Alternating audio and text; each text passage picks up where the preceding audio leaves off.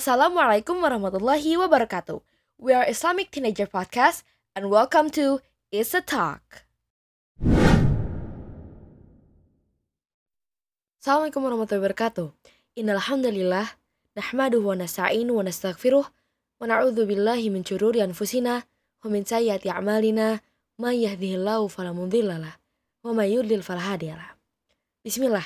Assalamualaikum warahmatullahi wabarakatuh. Welcome to Islamic Teenager Podcast with Misa. Hi. Long time no see, isn't it? okay. So, first of all, I want to say sorry because I'm not really showed up in this content lately because I've been really hectic with my school. I have many tests waiting for me, but alhamdulillah, some of them just I've just done it. But for the exchange, I give y'all a guess that we know in the previous episode, which means Kabara Maulana. I want to say Jazakallah khairan for Kabara for coming to our podcast and give us many of his ilm or Islamic knowledge. Okay, that's for the opening, and today we're going to talk about destiny. Okay, I know many people would ask like why I'm living like this, why my physically is like this, why I'm being like this. So, for answering those questions, we need an answer, isn't it? So it been mentioned by Abu Abdurrahman Abdullah bin Mas'ud radhiyallahu an in the fourth hadith of Hadis Arba'in.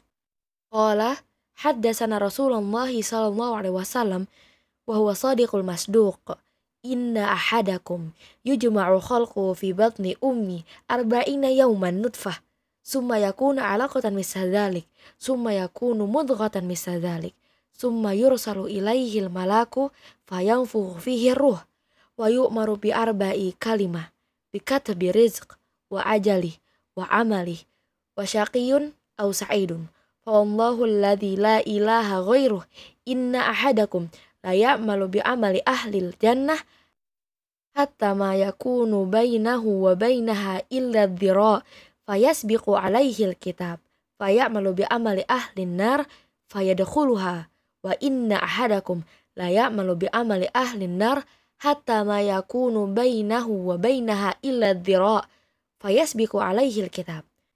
Fayak malubi amali ahlil jannah fayadakuluha Ruahul bukhari wa muslim. The Messenger of Allah sallallahu alaihi wasallam and is the truthful the belief narrated to us. Verily, the creation of each one of you is brought together in his mother womb for forty days in the form of a drop. Then he becomes a clot of blood for like a period. Then a morsel of flesh for a like period.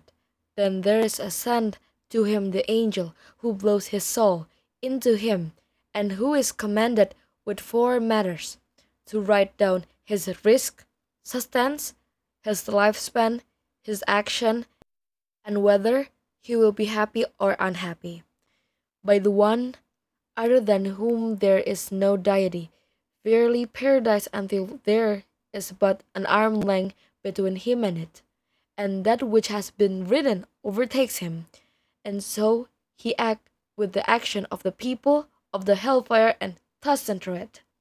And verily one of you performs the action of the people of the hellfire until there is but an arm length between him and it, and that which has been written overtakes him, and so he act with the action of the people of paradise, and thus he enters it. Bukhari and Muslim. What we can get from this hadith is everything that happened in this life is already written before we born. Even the fact is really far away from our lives. It's like 5,000 years before Adam is exists. So what we can get from that hadith? We know that Allah already made his scenery of our life from Adam until Yawmul Qiyamah. And we have to believe all of his takdir.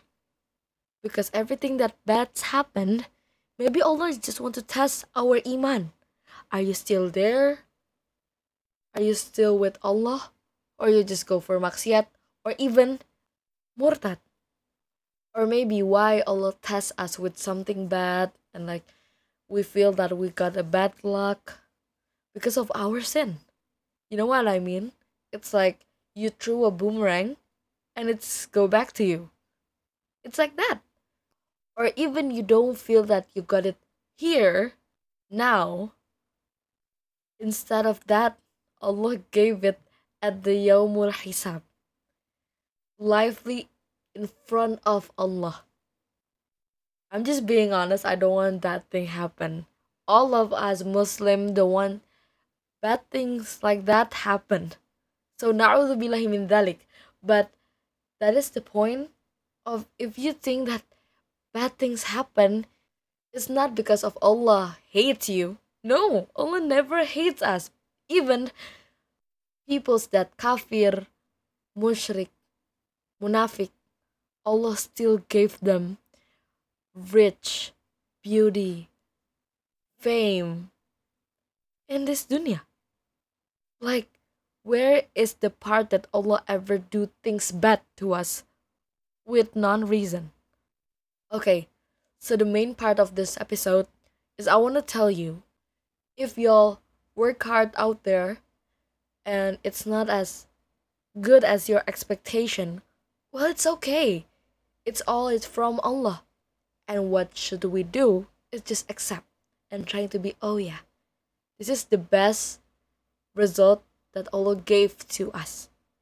That's the first. The second, if we feel that we got many bad luck recently, I think we should muhasabah.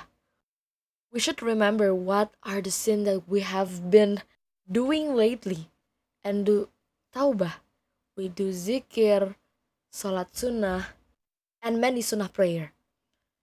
And at the end, we should husnuzon to Allah. We should think a good thought to Allah.